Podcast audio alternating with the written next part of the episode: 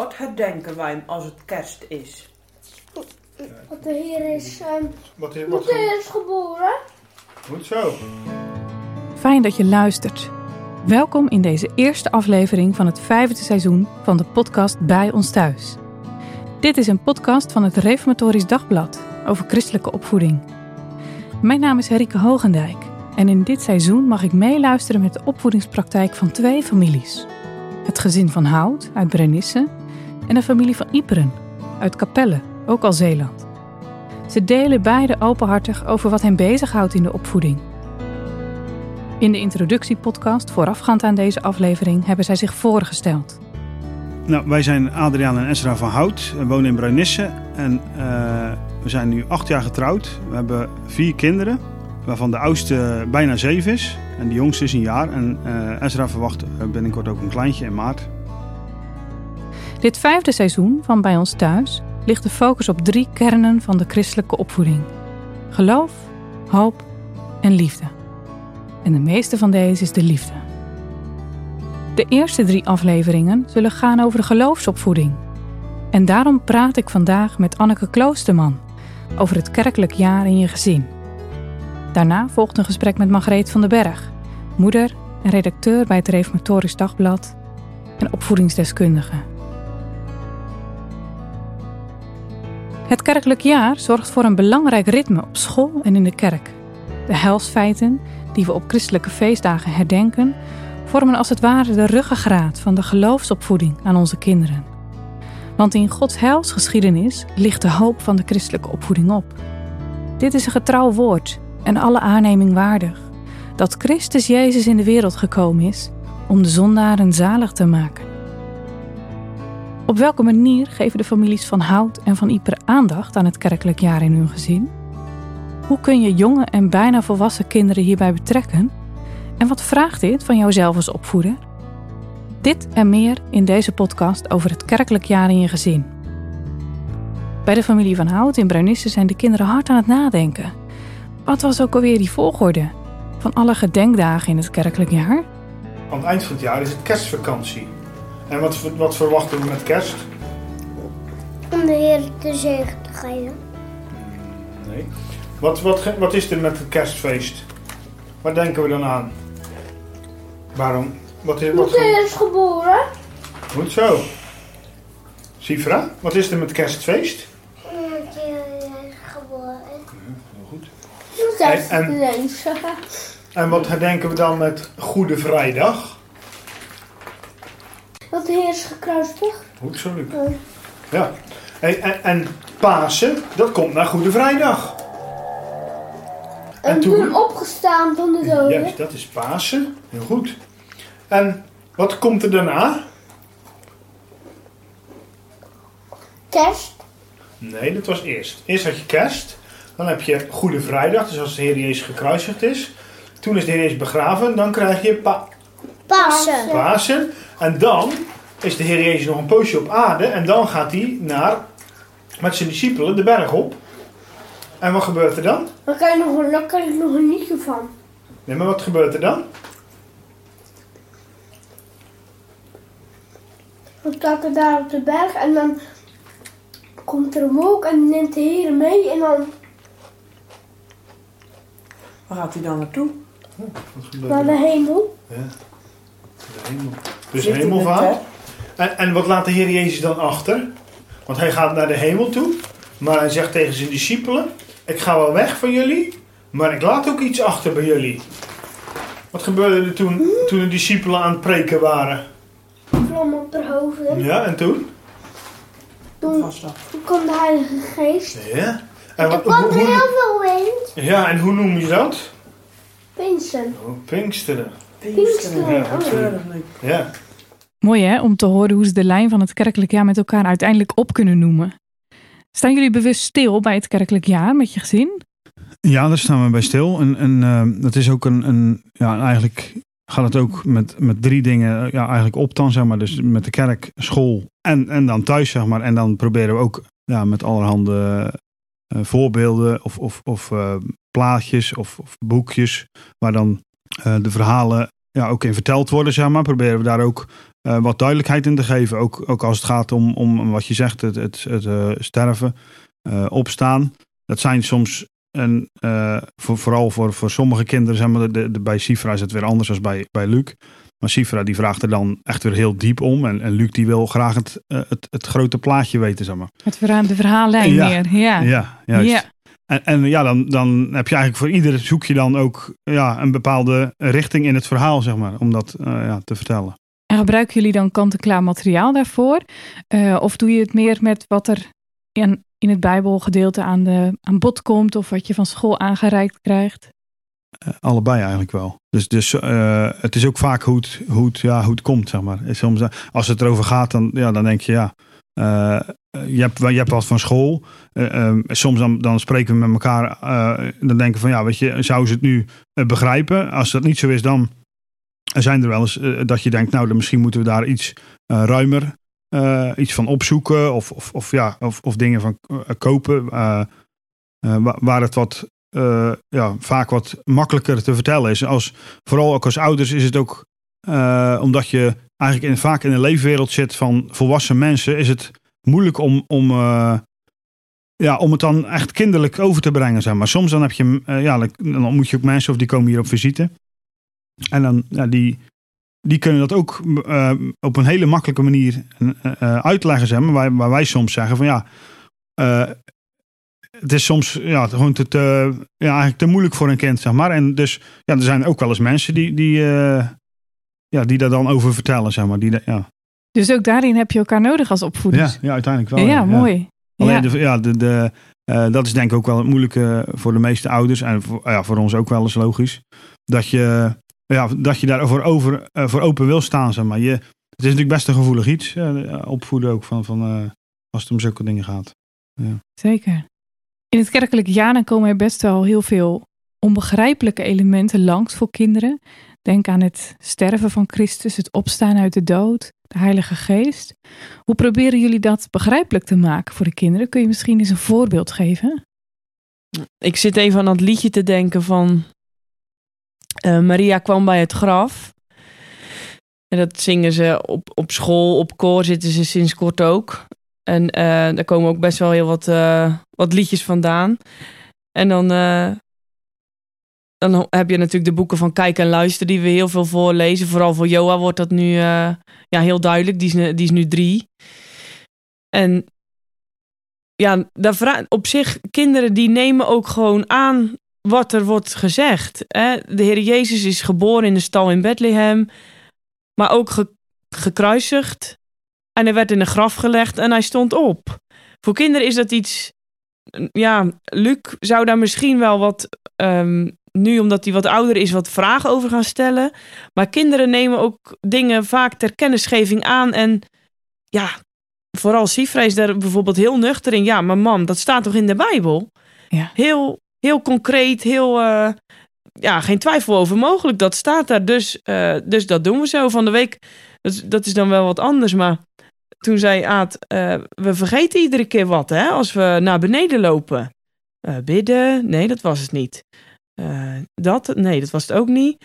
Lichtjes aan. Ja, die zijn altijd aan, die moeten uit. Dus de volgende dag vraag ik aan Sifra, jij je lichtje uitgedaan? Ja, dat heeft papa toch gezegd dat we dat moeten doen? En die is gewoon heel, heel concreet en heel, nou, dat wordt zo afgesproken, dat is zo, geen twijfel over mogelijk. Dat nemen ze gewoon ter kennisgeving aan. En dat heeft dan vaak geen eens echt eh, een hele diepgaande ehm, gesprek eh, heeft dat nog nodig. Dat zal wel komen als ze wat ouder worden, Ja. maar op deze leeftijd vinden we dat eigenlijk nog wel meevallen. Mooi, en dat is echt dat vertrouwen van Ja. een kind ook, hè? Ja. Jonge kinderen nemen wat je doorgeeft meteen in vertrouwen aan, benadrukken Adriaan en Esra van Hout. Dat voelt soms ook als iets kwetsbaars in de opvoeding. Want kinderen maken daarbij geen onderscheid tussen een Bijbelvrouw en een sprookje. Ook in de puberleeftijd kan die geloofsopvoeding kwetsbaar aanvoelen. Want pubers kunnen kritisch zijn, uiterst kritisch zijn, als het gaat over existentiële onderdelen van het geloof, zoals over een zaligmaker die stierf en daarna weer opstond uit de dood. Toch blijft die opdracht onverminderd staan om Gods daden door te geven. Geef op alle leeftijden doorkijkjes naar Gods wonderlijke heilsgeschiedenis. Over dit thema ga ik in gesprek met Anneke Kloosterman van de Sluis. Zij is theologiedocent aan de Christelijke Hogeschool Ede. Ze studeert filosofie en is domineesvrouw en moeder van vier kinderen in de leeftijd van 7 tot 13 jaar. Anneke werkte mee aan diverse praktische boekjes en ander materiaal over het toeleven naar de heilsfeiten binnen je gezin. Welkom Anneke. Dankjewel. Hey, jij hebt de afgelopen jaren best wel wat energie en tijd gestoken in boekjes voor gezinnen om uitgebreid stil te staan bij de heilsfeiten. Waarom wil je de heilsfeiten zo voor het voetlicht plaatsen in de opvoeding? Ik vind het belangrijk dat kinderen leren leven met het hele verhaal van schepping, zondeval, uh, verlossing. En als we met de heilsfeiten bezig zijn, dan gaat het ook over Gods heilshandelen en hoe God gewerkt heeft in de geschiedenis van Israël en ook in de kerk. En ik denk dat dat verhaal heel belangrijk is voor kinderen om in hun hoofd te hebben. Omdat we ook met heel veel andere verhalen leven in deze wereld. Leg eens uit, dat laatste. Uh, we leven in een wereld die voortdurend betekenis probeert te geven aan wat, wat is ons leven? Hoe houdt, wat houdt ons leven in? En um, in onze maatschappij is daar het verhaal van het christelijk geloof, maar er staan ook een heleboel andere verhalen naast. En dat zijn verhalen die ons leven ook voortdurend beïnvloeden en die steeds richting willen geven, die uh, andere antwoorden geven op de vraag van wat is een goed leven. Dus jij zegt het verhaal van Gods heilsplan moet het belangrijkste verhaal en het, het meest aanwezige verhaal zijn dus vooraan in je hoofd. Ja. Dat wil je in de opvoeding graag meegeven. Ja. Ja, mooi. Hey, ben jij daar zelf in de opvoeding van jullie eigen kinderen ook altijd heel bewust mee bezig geweest? Ja, daar begin je natuurlijk heel jong mee. Je wil je kinderen opvoeden bij de, bij de dienst van de Heer, bij het woord van God. Dat beloof je ook als je ja zegt bij de doop. En ik denk dat niet anders kan als je zelf de waarde van het geloof in de Heer Jezus Christus ziet. En uh, van het leven met Hem, dat je dat ook wil meegeven aan je kinderen. Ja. En de heilsfeiten helpen daar heel erg mee. Ja, het gaat uiteindelijk niet om ons of om ons handelen, maar om het handelen van God. En dat is wat bij de helsfeiten naar voren komt. En daarnaast zijn de helsfeiten natuurlijk hele concrete momenten die voor kinderen ook zichtbaar zijn of tastbaar. Die markeringsmomenten zijn in het kerkelijk jaar. Ja, hey, en jij probeerde ze extra tastbaar te maken in de opvoeding. Zei je al even in het voorgesprek? Ja, dat klopt. Ik heb bijvoorbeeld de boom van Isaïe gedaan. Dat was een idee wat ik op internet gevonden had. Dan neem je een tak of een ander voorwerp. Daar hang je dan gedurende de adventstijd steeds dingen aan die verwijzen naar belangrijke momenten in de geschiedenis van Israël. Van de stamboom eigenlijk van de Heer Jezus. Ah, dus wat is er aan hem vooraf gegaan? Je maakt die rode lijn heel erg zichtbaar voor de kinderen. Ja, klopt. Ja, en later heb je dat ook weer verwerkt in een boekje. Ja, mijn schoonzus die was al bezig, uh, Willemieke Kloosterman, met schrijven van boekjes voor kinderen. En wij raakten op een verjaardag een keer in gesprek. En zij was ook van plan om hiermee bezig te gaan. En ik had dit eigenlijk al uitgewerkt in een blog. En toen uh, hebben we de koppen bij elkaar gestoken. Toen zijn we samen verder gegaan. Mooi. Hey, als ik denk aan het kerkelijk jaar, dan merk ik dat kerst en Pasen daar een heel grote plek in nemen. Misschien ook wel omdat we bij kerst de adventsperiode hebben. En bij Pasen uh, de 40 dagen tijd die eraan vooraf gaat. Is het terecht dat de andere feestdagen veel minder aandacht krijgen van ons? Nou, ik vind niet terecht, maar ik kan het wel begrijpen. Ja. Ik denk dat kerst en Pasen voor kinderen heel concreet zijn. Een kindje in een kribbe, een kruis, een oh, graf, opstanding. En dat dat veel moeilijker is als het gaat om de hemelvaart. De Heer Jezus die gaat weg, hij gaat naar de hemel. Nou, dat kan nog, maar ja, de Heilige Geest. Wat is dat dan? Wat gebeurt er precies? Maar tegelijkertijd vind ik het wel heel belangrijk dat die helsfeiten ook aan de orde komen. En daarom hebben Willemieke en ik toen ook wel gekozen om niet alleen met kerst en met Pasen te doen. Maar we hebben ook een ander boekje geschreven, De Stroom van Zegen. En dat boekje dat gaat over de periode na Pasen. Dat was in de vroege kerk ook de periode die de 50 dagen tijd werd genoemd. En wij starten dan een week voor hemelvaart met het boekje omdat anders moeten mensen ook direct door. Ze hebben net. Na Pasen, ja. Ze hebben net misschien het boekje van de Leidenstijd en van Pasen gedaan. En dan, ja, dan wil je soms ook even een pauze, niet direct weer door. Maar dat boekje dat gaat over hemelvaart, Pinksteren. Maar ook over de wederkomst. Want dat wordt wel eens vergeten. Ook de wederkomst is ja. een helsfeit. En daar hebben we geen dag voor. Om daarover nee. te denken. Nee, dat is natuurlijk ook niet een helsfeit wat we kunnen herdenken, herdenken nee. maar waar we naar uitzien. waarom pleit jij ervoor om de helsfeiten ook ehm, actief een plek te geven in de vorm van gezinsmomenten rondom de Bijbel? Als gezin maak je allerlei herinneringen. Je gaat ergens heen, je viert je verjaardagen. Je maakt als het goed is, ja, dat hoop ik, mooie momenten met elkaar mee. Dat is in de meeste gezinnen gelukkig zo. En het christelijk geloof, dat hoort bij het hele leven. Dat hoort, dat hoort daar helemaal bij. En hoe mooi is het als je juist rondom het woord van God ook dat soort momenten kunt hebben waarbij je samen met je kinderen, met je hele gezin, stil kunt staan bij de Bijbel en ook bij de heilsfeiten. En dat zijn ook in het kerkelijk leven vier momenten. Dus als je daar naartoe kunt leven, zoals je ook naar de verjaardag toe leeft, dan wordt het ook concreet voor kinderen. Maar niet alleen voor kinderen. Je ziet natuurlijk ook op de markt heel veel dagboeken voor volwassenen die toeleven naar kerst of naar Pasen. Ja. En op die manier wordt het iets van het hele gezin. Ja, en kinderen geven dat ook terug. Hè? Ze waarderen het heel erg als je uh, met elkaar bewust tijd besteedt om, om uit te leggen wat er in Gods woord staat, om, om daarmee bezig te zijn. Ja, klopt. Ja. Ik merk ook zeker met de boom van Isaïe. Nou, niet, ik hoor het niet alleen bij ons thuis, maar ook uit andere gezinnen. Op een gegeven moment zijn kinderen eigenlijk al wat groter. En dan zou je denken, nou, en wil je nou nog per se iets ophangen? In het boekje van de boom van Isaïe is niet aan een tak, maar op een poster. Maar daar kan iedereen natuurlijk zijn eigen gang mee gaan. Daar zie ik soms hele creatieve creaties die mensen daarmee uh, mee maken. En oh, andere mensen die knippen gewoon de symbolen uit en die plakken het op de poster.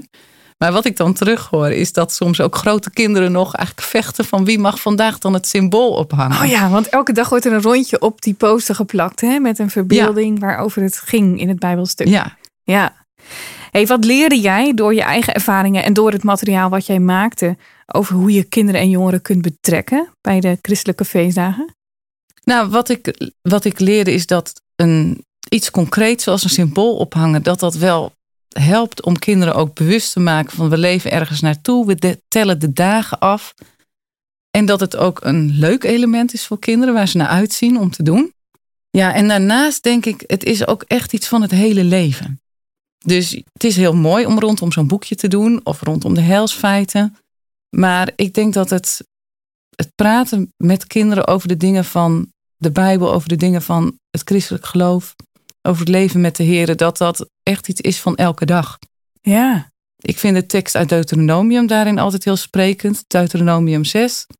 Als u uh, neerligt, dus als je gaat slapen, als je opstaat, als je aan tafel zit, als je onderweg bent. Dat zijn eigenlijk allemaal momenten waarop je met kinderen in gesprek kunt komen. En dan gaat het over allerlei dingen. En dan kan er ook zo ineens iets tussendoor gaan over de Bijbel of over het dienen van de Heer. Ja, ja, in Deuteronomium 6 staat dat heel nadrukkelijk. Ja, dat we voortdurend daarover moeten spreken met de kinderen. Nou is de groep van jongeren best heel moeilijk te betrekken bij de feestdagen. Hoe kun je hen laten aansluiten op het toeleven naar Pasen of Pinksteren of Hemelvaart? Ja, dat kan inderdaad lastig zijn. Hè? Zeker als je verschillende niveaus krijgt in je gezin. Jongere kinderen, oudere kinderen. Ik zei net al, ik vind het best opvallend dat soms oudere kinderen toch nog weer goed mee kunnen op zo'n kinderdagboek. En tegelijkertijd is het ook mooi om soms andere vormen te kiezen voor grotere kinderen. Wij zijn in ons gezin op een gegeven moment begonnen met een avondgebed. Dus dat is een gebed waarin om de beurt dingen gezegd mogen worden of meegedaan worden. Dan is een stukje bijbellezing. Er is een samen opzeggen van het Onze Vader. Er is om de beurt iets van voorbeden doen. Er is iets van gezamenlijke uh, schuldbeleidenis. Bijvoorbeeld een gebed uit de traditie wat je samen uitspreekt. Dus het is veel meer dan een gebed alleen. Het is echt een moment. Ja. Ja. Ja, eigenlijk een soort liturgietje waarin je samen de dag besluit. Het was ook wel omdat in de avond zijn er vaak juist met grotere kinderen allerlei activiteiten. De een gaat hierheen, de ander gaat daarheen. Uh, nou, ouders moeten soms ook weg in de avond. En uh, zeker bij ons thuis is dat het geval. Ja. En uh, ja, dan, dan heb je juist rondom de avondmaaltijd een moment dat je ook even de rust hebt om daar aandacht aan te besteden. Dus jullie koppelen dat heel bewust aan de avondmaaltijd? Ja, na de avondmaaltijd. Ja. Hey, mooi, want dan krijgen jongeren dus ook een andere, meer verantwoordelijke taak eigenlijk. Klopt, ja, want we hebben ook wel eens om beurten gewisseld dat iemand dan de leiding mocht nemen in, dat, oh ja. in de liturgie. Om de zinnen voor te lezen die dan door één persoon worden uitgesproken. De rest, ja, je hebt dan dikgedrukte en uh, niet dik, dikgedrukte zinnen. En de niet dik gedrukte zinnen, die spreekt degene uit die De leiding, de leiding heeft. Ja.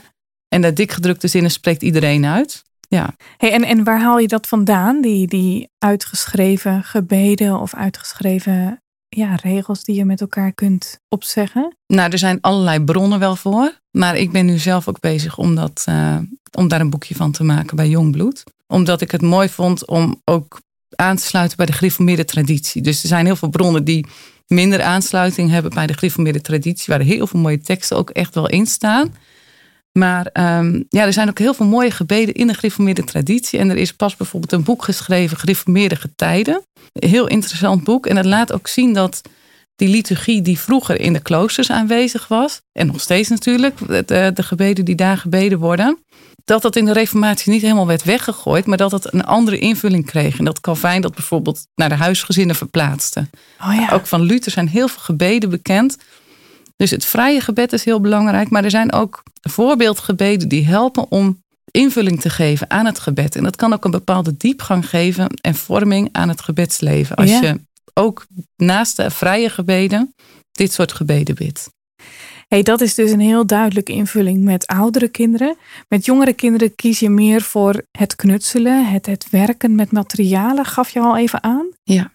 Kun je dat eens wat voorbeelden van geven? Ja, nou, ik heb natuurlijk al die boom van Isaïe genoemd. En dan is het ook leuk om zelf een tak te zoeken, bijvoorbeeld in het bos. En daar dan weer mee verder te gaan. Eh, bij de stroom van zegen met rondom Pinksteren, hemelvaart. Heb bijvoorbeeld gekozen voor een poster van een wolk. Maar heb ik zelf ook wel eens een wolk geknutseld, watjes erop. En dan alle symbolen. Bij stroom van zegen zijn dat druppels die er dan aanhangen. Eh, ja, er ligt er ook aan hoeveel tijd wil je erin steken en hoeveel energie heb je ervoor. Ja, En ik moet heel eerlijk zeggen, dat verschilt bij mij ook echt per jaar en per seizoen. gelukkig. Gelukkig maar. Hè? Dus, eh, en dan is het soms gewoon heel fijn dat je lekker kunt knippen en plakken. En dat dat, dat alles is wat je hoeft te doen. Eh, ja, wat ik ook wel eens gedaan heb, vonden de kinderen ook heel leuk. Ik heb er zelf mooie herinneringen aan met Pasen een paastuin maken. Dus ja, een grote bak vullen met zwart zand. En dan ehm, daar een, ehm, een uitholling, een graf in maken met een steen ervoor. Een eh, kruis erin zetten. Maar ook wat stenen erop. Daar kunnen soms dingen op staan. Of die kun je ook neerleggen bij als je aan bepaalde elementen in de Leidersweek denkt. En dan maak je het voor de kinderen concreet. Dat is wat korter. En niet, niet de hele Leidenstijd. Maar bijvoorbeeld in de laatste, in de Leidensweek. Dat je dan telkens bij momenten stilstaat van het lijden en sterven van de Heer Jezus. En dat je dan iets plaatst in die tuin. En het ook echt concreet verbeeld Ook voor ze. concreet verbeeld. Ik weet dat Ja. we ook wel eens een keer bijvoorbeeld een, ehm, een, een, eh, een slang hadden geknutseld. En dan met verwijzing naar de, de, de koperen slang van Mozes. Zoals Oh ja. Mozes de slang in de woestijn verhoogd heeft. Zo moest ook de zoon des mensen verhoogd worden. En dat je dan Ja, ehm, aan de kinderen laat zien van... hé, hey, dat kruis van de Heer Jezus... dat heeft ook al een voorafschaduwing in het Oude Testament. ja. Ehm, vaak plant ik daar dan ook iets van een bolgewas in, een narcis of zo, om een verbeelding te geven van het nieuwe leven dat er is met Pasen. Ja. En Ja. de kinderen vinden het dan heel mooi dat die steen ligt voor het graf gedurende die periode, maar dan ja, met Pasen mag die steen weg, dan is het graf leeg en dan is het graf open. Hey, jij noemt heel concrete voorbeelden van knutselen en van het verbeelden van de situatie. Nu kan het zijn dat je daarbij denkt, nou dat vind ik niet gepast gezien de heiligheid van de situatie. Wat is je advies dan voor dat geval om toch te herdenken met elkaar? Ja, ik denk dat het heel goed is om na te denken over de heiligheid van God. Ik, ik kan het even waarderen dat mensen die gedachten hebben. En ik denk ook dat het goed is dat je bij je eigen geweten blijft. Dus je hoeft geen dingen te doen die voorbij je eigen geweten gaan. Als het gaat om die vraag van mag je dan dingen verbeelden als een kruis of als een graf? Ja. Ja, dan denk ik wel, de Heer Jezus heeft ook echt ons vlees en bloed aangenomen. Hij is echt mens geworden. Hij was zonder zonde. Maar voor de rest was hij helemaal mens. In, in- helemaal zoals wij. En dat kruis, dat was ook een gewoon houten kruis. Ja. En het graf, het was een nieuw graf, maar het was een gewoon graf. En ik vind het ook goed dat we dat beseffen als christenen. Dat het niet andere dingen waren, maar dat het juist het wonder is dat de Heer Jezus zo laag is afgedaald dat hij Ja. echt op, op dat tastbare niveau van ons mensen is gekomen. En dan zijn het eh, geen objecten van aanbidding. Dat is natuurlijk wat ook een associatie kan zijn. Maar dan gebruik je het als onderwijsmateriaal om concreet te maken voor kinderen begrijpelijk wat er, wat er gebeurt. Hey, we gaan de adventsperiode tegemoet. Nu hebben jullie een gezin met heel uiteenlopende leeftijden, hè? pubers, uh, nog schoolkinderen. Um, hoe ben je van plan om de komende adventstijd iedereen te betrekken bij het haalsfeit? Ja, ik moet eerlijk zeggen dat ik daar nog niet helemaal een uh, afgerond idee over heb. Ik pak het ene jaar de boom van Izzy. En uh, nou, dat, dat, wil ik ook niet elk jaar doen. Er is ook heel mooi materiaal van Evangeliestek. Er zijn andere mooie boekjes. Mijn schoonzus heeft ook nog weer een ander boekje. Dat is ook wel weer op jongere kinderen gericht geschreven. Ik pak soms ook een dagboek voor volwassenen. En dan proberen we daar gewoon voor kinderen een andere draai aan te geven. Dus ik moet het eigenlijk nog een beetje bedenken. En ik laat het ook per jaar wel, nou ja, wat ik net ook zei, van afhangen. Van het ene jaar heb je daar meer energie voor dan het andere jaar. Ik vind het wel belangrijk dat we iets nemen waarmee we naar kerst toe leven. En dat we bewust door die adventstijd heen gaan. Maar ja, vaak bedenk ik dat twee of drie weken van tevoren. En dan kijk ik eens, wat voor boekjes zijn er nu beschikbaar? Welk materiaal is er? En die afwisseling in materialen is helpend, zodat ze weer vers naar het thema kijken, naar het heilsfeit. Ja, en dat het voor jezelf ook fris blijft. Want dat vind ik wel belangrijk. Je, je doet het niet alleen voor je kinderen, maar je leeft met elkaar daar naartoe. Ja, en jij zegt daarbij, we richten ons niet per se op de kleinste om het voor hen begrijpelijk te maken, of op de oudste in ons gezin om hem te blijven betrekken. Um, maar hoe zoek je daarin dat ze nou, beide aan bod komen? Ja, dat snap ik. Ja, ik denk dat we de ene keer meer op de jongeren richten en de andere keer meer op de ouderen. En je kunt natuurlijk ook zelf, als je bijvoorbeeld die boom van Easy neemt, proberen om een wat diepgaandere vraag te stellen aan kinderen. Of je leest er ook een Bijbelgedeelte bij. Ja. Nou, dan pak je iets uit dat Bijbelgedeelte wat net wat dieper gaat dan wat op die jonge kinderen tot van drie tot acht gericht is. Of um, ja, je doet het voor de oudere kinderen, maar dan stel je voor een van de jongere kinderen een weetvraag erbij. Mooi, ja. En het mooie is dat je dat dan ook weer kunt voorbereiden, zodat je zelf ook weer heel erg gericht bent op het heilsfeit. Ja, en het kan ook zijn als je zelf in je stille tijd bijvoorbeeld een eigen dagboek leest of uh, gewoon een bijbelrooster. Dat je daaruit weer dingen mee kunt nemen die je dan in dat gezinsmoment ook deelt met de kinderen. Dank Anneke voor alle concrete tips en ja, de concrete uitwerking die je ons hebt gegeven. Graag gedaan. Ja, ik uh, hoop dat we een uh, gezegende adventstijd tegemoet gaan en dat we in veel gezinnen samen ook naar dit heilsfeit toe kunnen leven met het wonder dat de Heer Jezus ook naar deze aarde kwam en echt mens werd. Dankjewel. Kerstnacht. Het eenzaam zwerven der gedachten rondom het oud verhaal, het nimmer uit te spreken verlangen naar het helder zingen in de nacht en het opgaan van de ster, een lichtend teken. Dat dichtte Ida Gerhard over het kerstfeest. Advent. Komst. God komt naar ons toe in de geboorte van zijn zoon. Vier weken zijn te kort om dat te begrijpen. En toch zijn die vier weken ook opvoedingsgoud. Omdat je zo bewust stil kunt staan bij het tastbare begin van Gods heilsgeschiedenis. Zorg dat kinderen zo snel mogelijk de rode draad van de Bijbel meekrijgen, benadrukt Margreet in het gesprek dat ik met haar heb.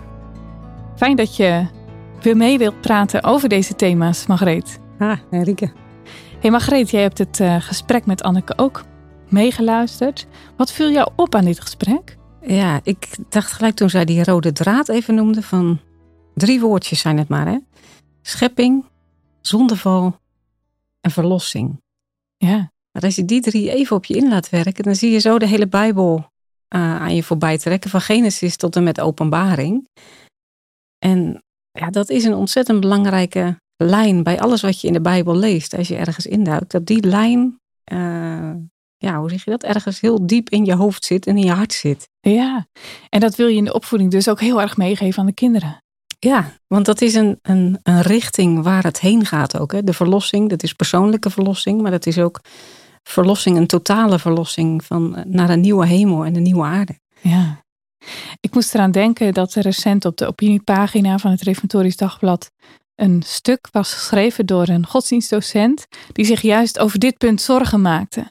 Hij zei: Ik merk in mijn klas dat de leerlingen dat maar moeilijk kunnen terugvertellen, die rode draad in de Bijbel. En toen ik dat las, toen moest ik terugdenken aan een uh, klein boekje, het gouden boekje, dat mijn vriendin altijd in de auto heeft hangen. En dat gouden boekje, dat helpt je om die lijn steeds weer te zien, maar ook om je eraan te herinneren dat die lijn dus gedeeld moet worden hè, met anderen om je heen. Het is, denk ik, uh, oorspronkelijk zendingsmateriaal of evangelisatiemateriaal. Um, en we hadden gekleurd papier in huis, dus ik heb dat met de jongens geknutseld. En uh, kijk, ik heb hem even meegenomen. Oh, dat is leuk om te zien even. Ja. Ja, dit boekje uh, vertelt heel eenvoudig die lijn van onze Bijbel. Want hij begint met een groen blad. En dat is de schepping. God heeft alles geschapen. In zes dagen en de zevende dag kregen wij als de rustdag. En daarna zie je een zwarte bladzij. Want Genesis 3 vertelt dat wij in zonde gevallen zijn. En toch houdt het daar niet bij op, want de volgende bladzij is rood. God gaf meteen de belofte dat de Messias zou komen. En Christus is gekomen, heeft geleden en gestorven. En door zijn bloed is er genezing van onze zonde. En daarom die witte bladzij erna, hè, dat die zonden weggenomen zijn in Christus. En daarna volgt een gele bladzij, die staat voor heiligmaking, hè, dat God genade geeft om vruchten van de geest te laten zien in je leven. Om uiteindelijk voor eeuwig bij Hem te blijven, de blauwe, blauwe bladzijde op die nieuwe hemel en die nieuwe aarde. Zomaar even een heel klein boekje, die rode draad van de Bijbel, om te herinneren. En het is mooi dat, ik merkte thuis dat die jongens het ook al best heel aardig aan elkaar konden vertellen, juist aan de hand van die kleuren. Dat helpt echt dan, hè? Ja. Ja. ja. ja jij bent zelf ook wel een beetje een knutsel frutsel eh, iemand, of niet?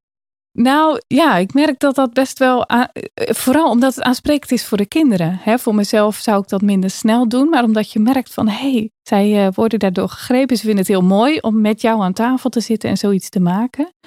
Um, dan heeft het ook zeker meerwaarde, ja. ja. Maar jij zit in een heel andere levensfase in je gezin, hè, dus dan zal dat anders zijn.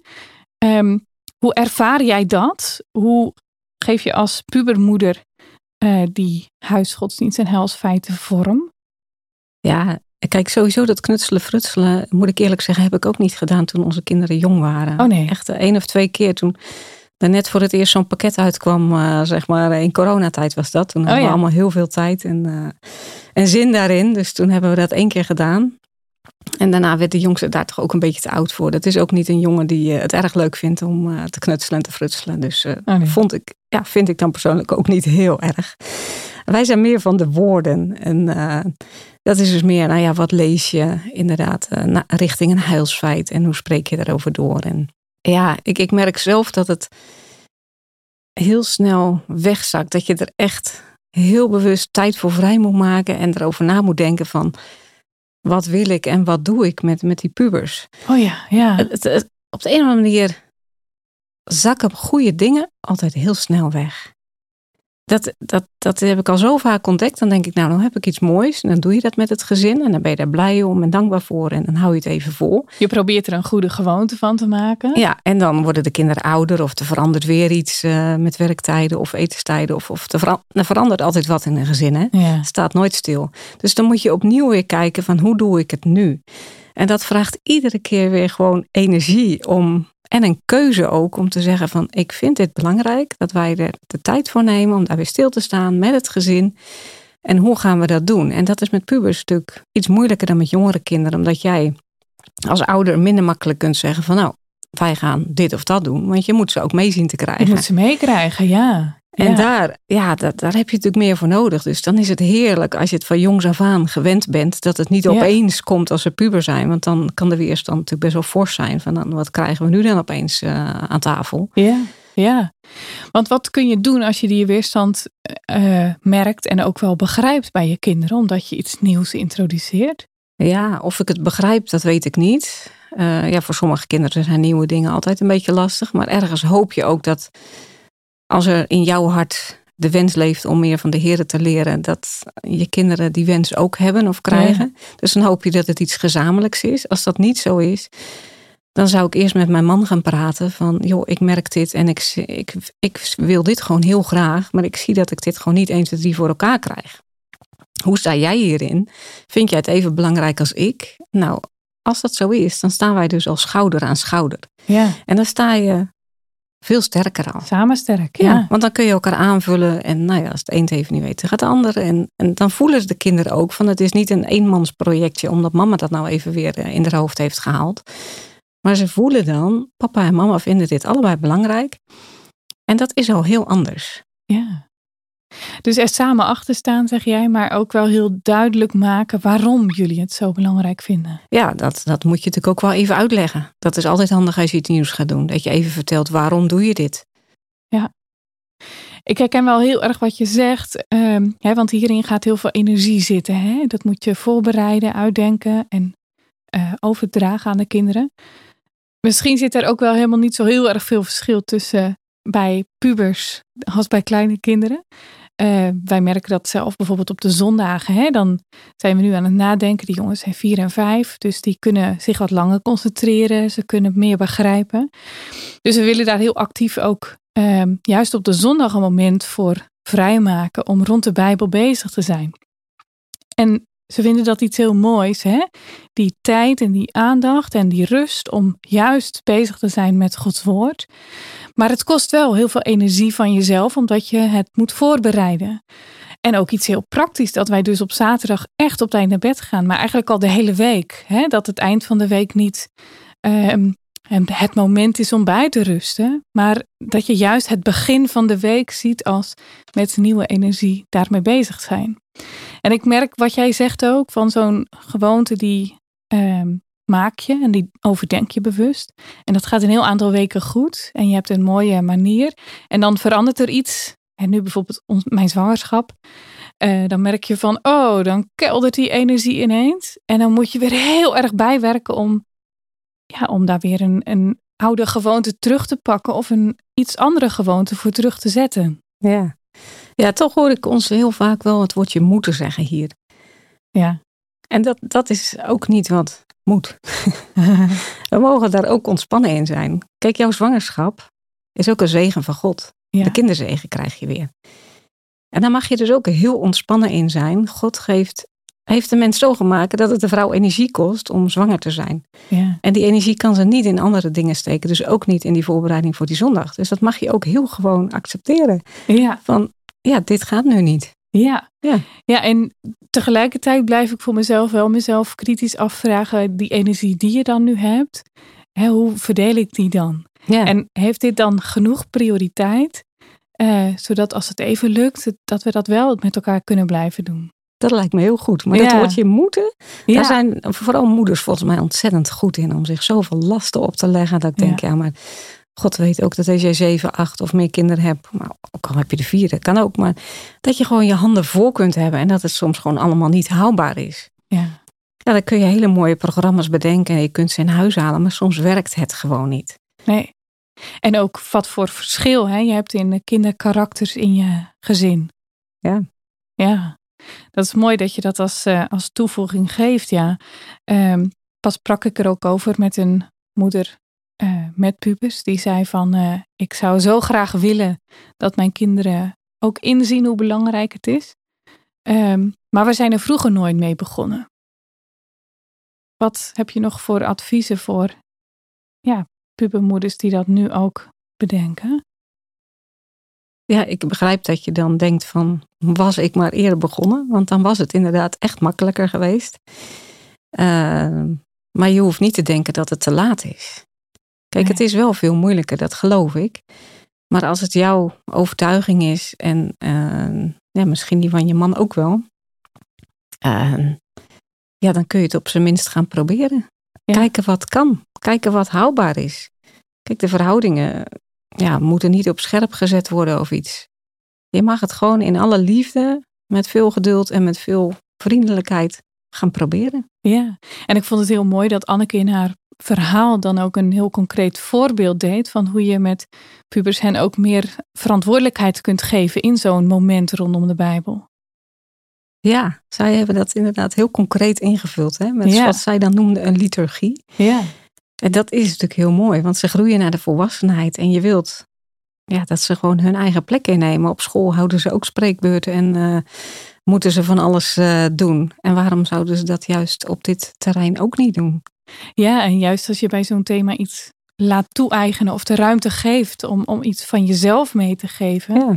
Een thema wat je aanspreekt of iets waar je altijd al in wilde verdiepen of waar je zelf een vraag hebt liggen. Hè, dan kan jouw puber dat ook gaan dragen. Ja. In plaats Ja. van alleen dat voordragen. Ja. ja. Kijk, en zij noemde bijvoorbeeld een heel gebedenboek. Ze is er nu eentje aan het schrijven, zei ze ook volgens mij. Daar ben ik wel benieuwd naar eh, als die uitkomt. Ehm, maar wat wij op zondagavond bijvoorbeeld doen, dat is met z'n allen eh, voor het eten, met z'n allen dus hardop het Onze Vader bidden. Oh ja. Dat doen we op andere dagen niet. Maar ja, dan denk ik op zondag doen wij dat dan wel. Dan denk ik ook, kijk, onze kinderen kennen hem nu ondertussen ook natuurlijk. Dus die functie van het leren van het Onze Vader zit er niet in. Nee. Maar wel het gezamenlijke gebed uitspreken tot God. En ja, dat gebed dat, dat heeft zeer oude papieren al. Precies. En dat mogen wij nabidden met, met onze eigen invulling en gedachten eh, daarbij. Ja, zeker. Dank Margreet voor wat je deelde uit je eigen gezin. Jij ook bedankt. Bezig zijn met het kerkelijk jaar in je gezin, dat doe je niet zomaar even, benadrukt Margreet. Net zoals de moeders die hun kinderen bij de Heer Jezus brachten, dat niet doelloos deden. Ze hadden een genadig verlangen naar Gods zegenende handen. De christelijke opvoeding in de huisgodsdienst bevraagt ons dus dagelijks op ons verlangen. Om het kerkelijk jaar door te geven aan de kinderen, is er een openheid nodig in je gezin, vertellen Martin en Joukje van Iperen. De kinderen moeten de veiligheid voelen om alles aan je te vragen en alles te durven zeggen over God en de Bijbel. Diep in Zeeland vertellen ze over hun ervaringen hiermee. Kunnen jullie jezelf eens voorstellen? Nou, ik ben eh Joukje van Iperen, getrouwd met eh, Martin. En samen hebben we drie kinderen. De oudste Jort van 12. En dan Tijn van 9. En Fiona van 4. En we wonen in het eh, mooie Capelle in Zeeland. Dit is, gaat over kerstfeest met die kerstboom. Heb je er een kerstboom bij getekend? Mm. Waarom dacht je aan een kerstboom? Jij denkt ook aan liefde met kerst. Ja, Wat heeft kerst met liefde te maken dan? de heren. Ja, wat de heren. De heren lieve. Nee, de Heere had ons lief. De Heer had de wereld zo lief dat hij daarom zijn zoon heeft gegeven. En daar denken we aan met kerst. Toch? Ja, nee, toen werd hij geboren, man. Ja, toen werd hij geboren. Maar dat was het geschenk van de Heer. vader. Ja. Kerst is een aantocht. In ieder geval op de clubplaten en tekeningen in jullie huis. Staan jullie bewust stil bij de adventsperiode in jullie gezin? ja, meestal doen we dat aan de hand van een eh, boekje. Dus elke dag een stukje lezen. En we hebben ook altijd een adventskaars. Dus dat is elke dag een eh, cijfertje verder branden, zeg maar. Oh, wat mooi. En zo'n boekje, hè? Eh, schaffen jullie dat aan of lees je steeds weer hetzelfde boekje? Dat schaffen we aan. Nou, we zijn eh, van de pakketten afgegaan, want er was altijd knutselen en zo. Nou, dat, daar kunnen we echt niet meer mee aankomen bij die jongens. Dus het moet vooral kort zijn en praktisch. Hoe kun je schoolkinderen op een passende manier betrekken bij het kerkelijk jaar? Ja, ik denk gewoon eigenlijk heel eenvoudig door het gewoon met de kinderen te bespreken. Hè, wat er op dat moment zeg maar speelt. Hè. Is het kerst of is het Pasen of Pinksteren? Wat is er dan gebeurd? Hè, en dat hoeft niet heel lang te zijn, maar gewoon misschien 's ochtends al bij het ontbijt. Hè, van eh, ja, we gaan vandaag naar de kerk en het is misschien geen zondag. Hè, want de kerst valt bijvoorbeeld op woensdag. Nou, dan is het al even schakelen bij ons in het gezin, hè, want dat doen we niet op woensdag. Hè, maar dan is het juist ook een moment om er eventjes over door te praten met elkaar. Ja. En wat herdenken we dan vandaag? Ja.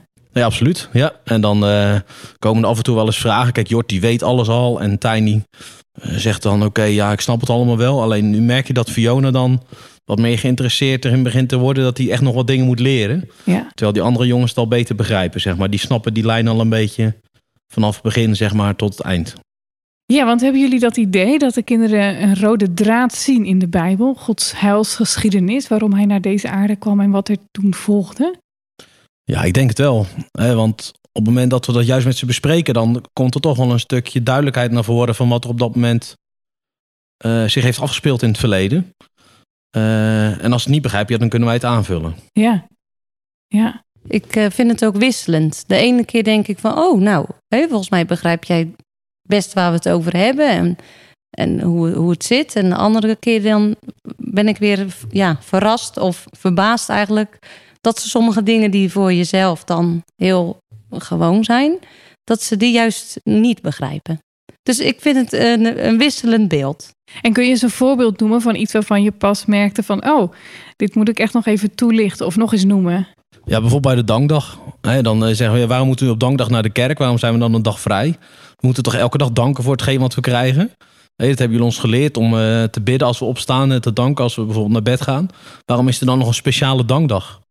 Ah, mooi. Dat gaven ze terug aan jullie. Ja, dat geven ze dan vaak aan van ja, eh, waarom is dat dan weer een speciale dag in de week? Ja. En door die vraag heb je juist weer de mogelijkheid om dat te vertellen. Mooi. Nou, we merken bij Tijn dus dat er echt een soort gat zit. Daar kwamen we heel, eigenlijk best wel laat achter, want toen was het dopen. En uh, daar hadden we het met elkaar over. En ik zei, wat, wat gebeurt er dan met dopen? En hij had echt geen idee. Dus ik zei, nou doe niet zo raar, dat heb je toch wel eens gezien. En ik dacht dat hij me eigenlijk voor de gek hield, omdat hij geen zin had om erover te praten. Want dat kan natuurlijk ook. Maar toen hadden we het er s'avonds uh, nog samen over. Toen zeiden we, nou, ik denk dat Tijn wel gelijk heeft. Want die heeft de eerste twee jaar dat hij wel meeging naar de kerk met dopen, sliep hij altijd. En toen kwamen we thuis te zitten. En door toen, corona? Door corona. Ah, ja. En toen ging hij weer mee naar de kerk. Dus eh, dat dopen was echt een soort nieuw voor hem. Ja. Is het makkelijk om bepaalde gewoonten rondom huisgodsdienst in je gezin in te voeren? En vast te houden misschien?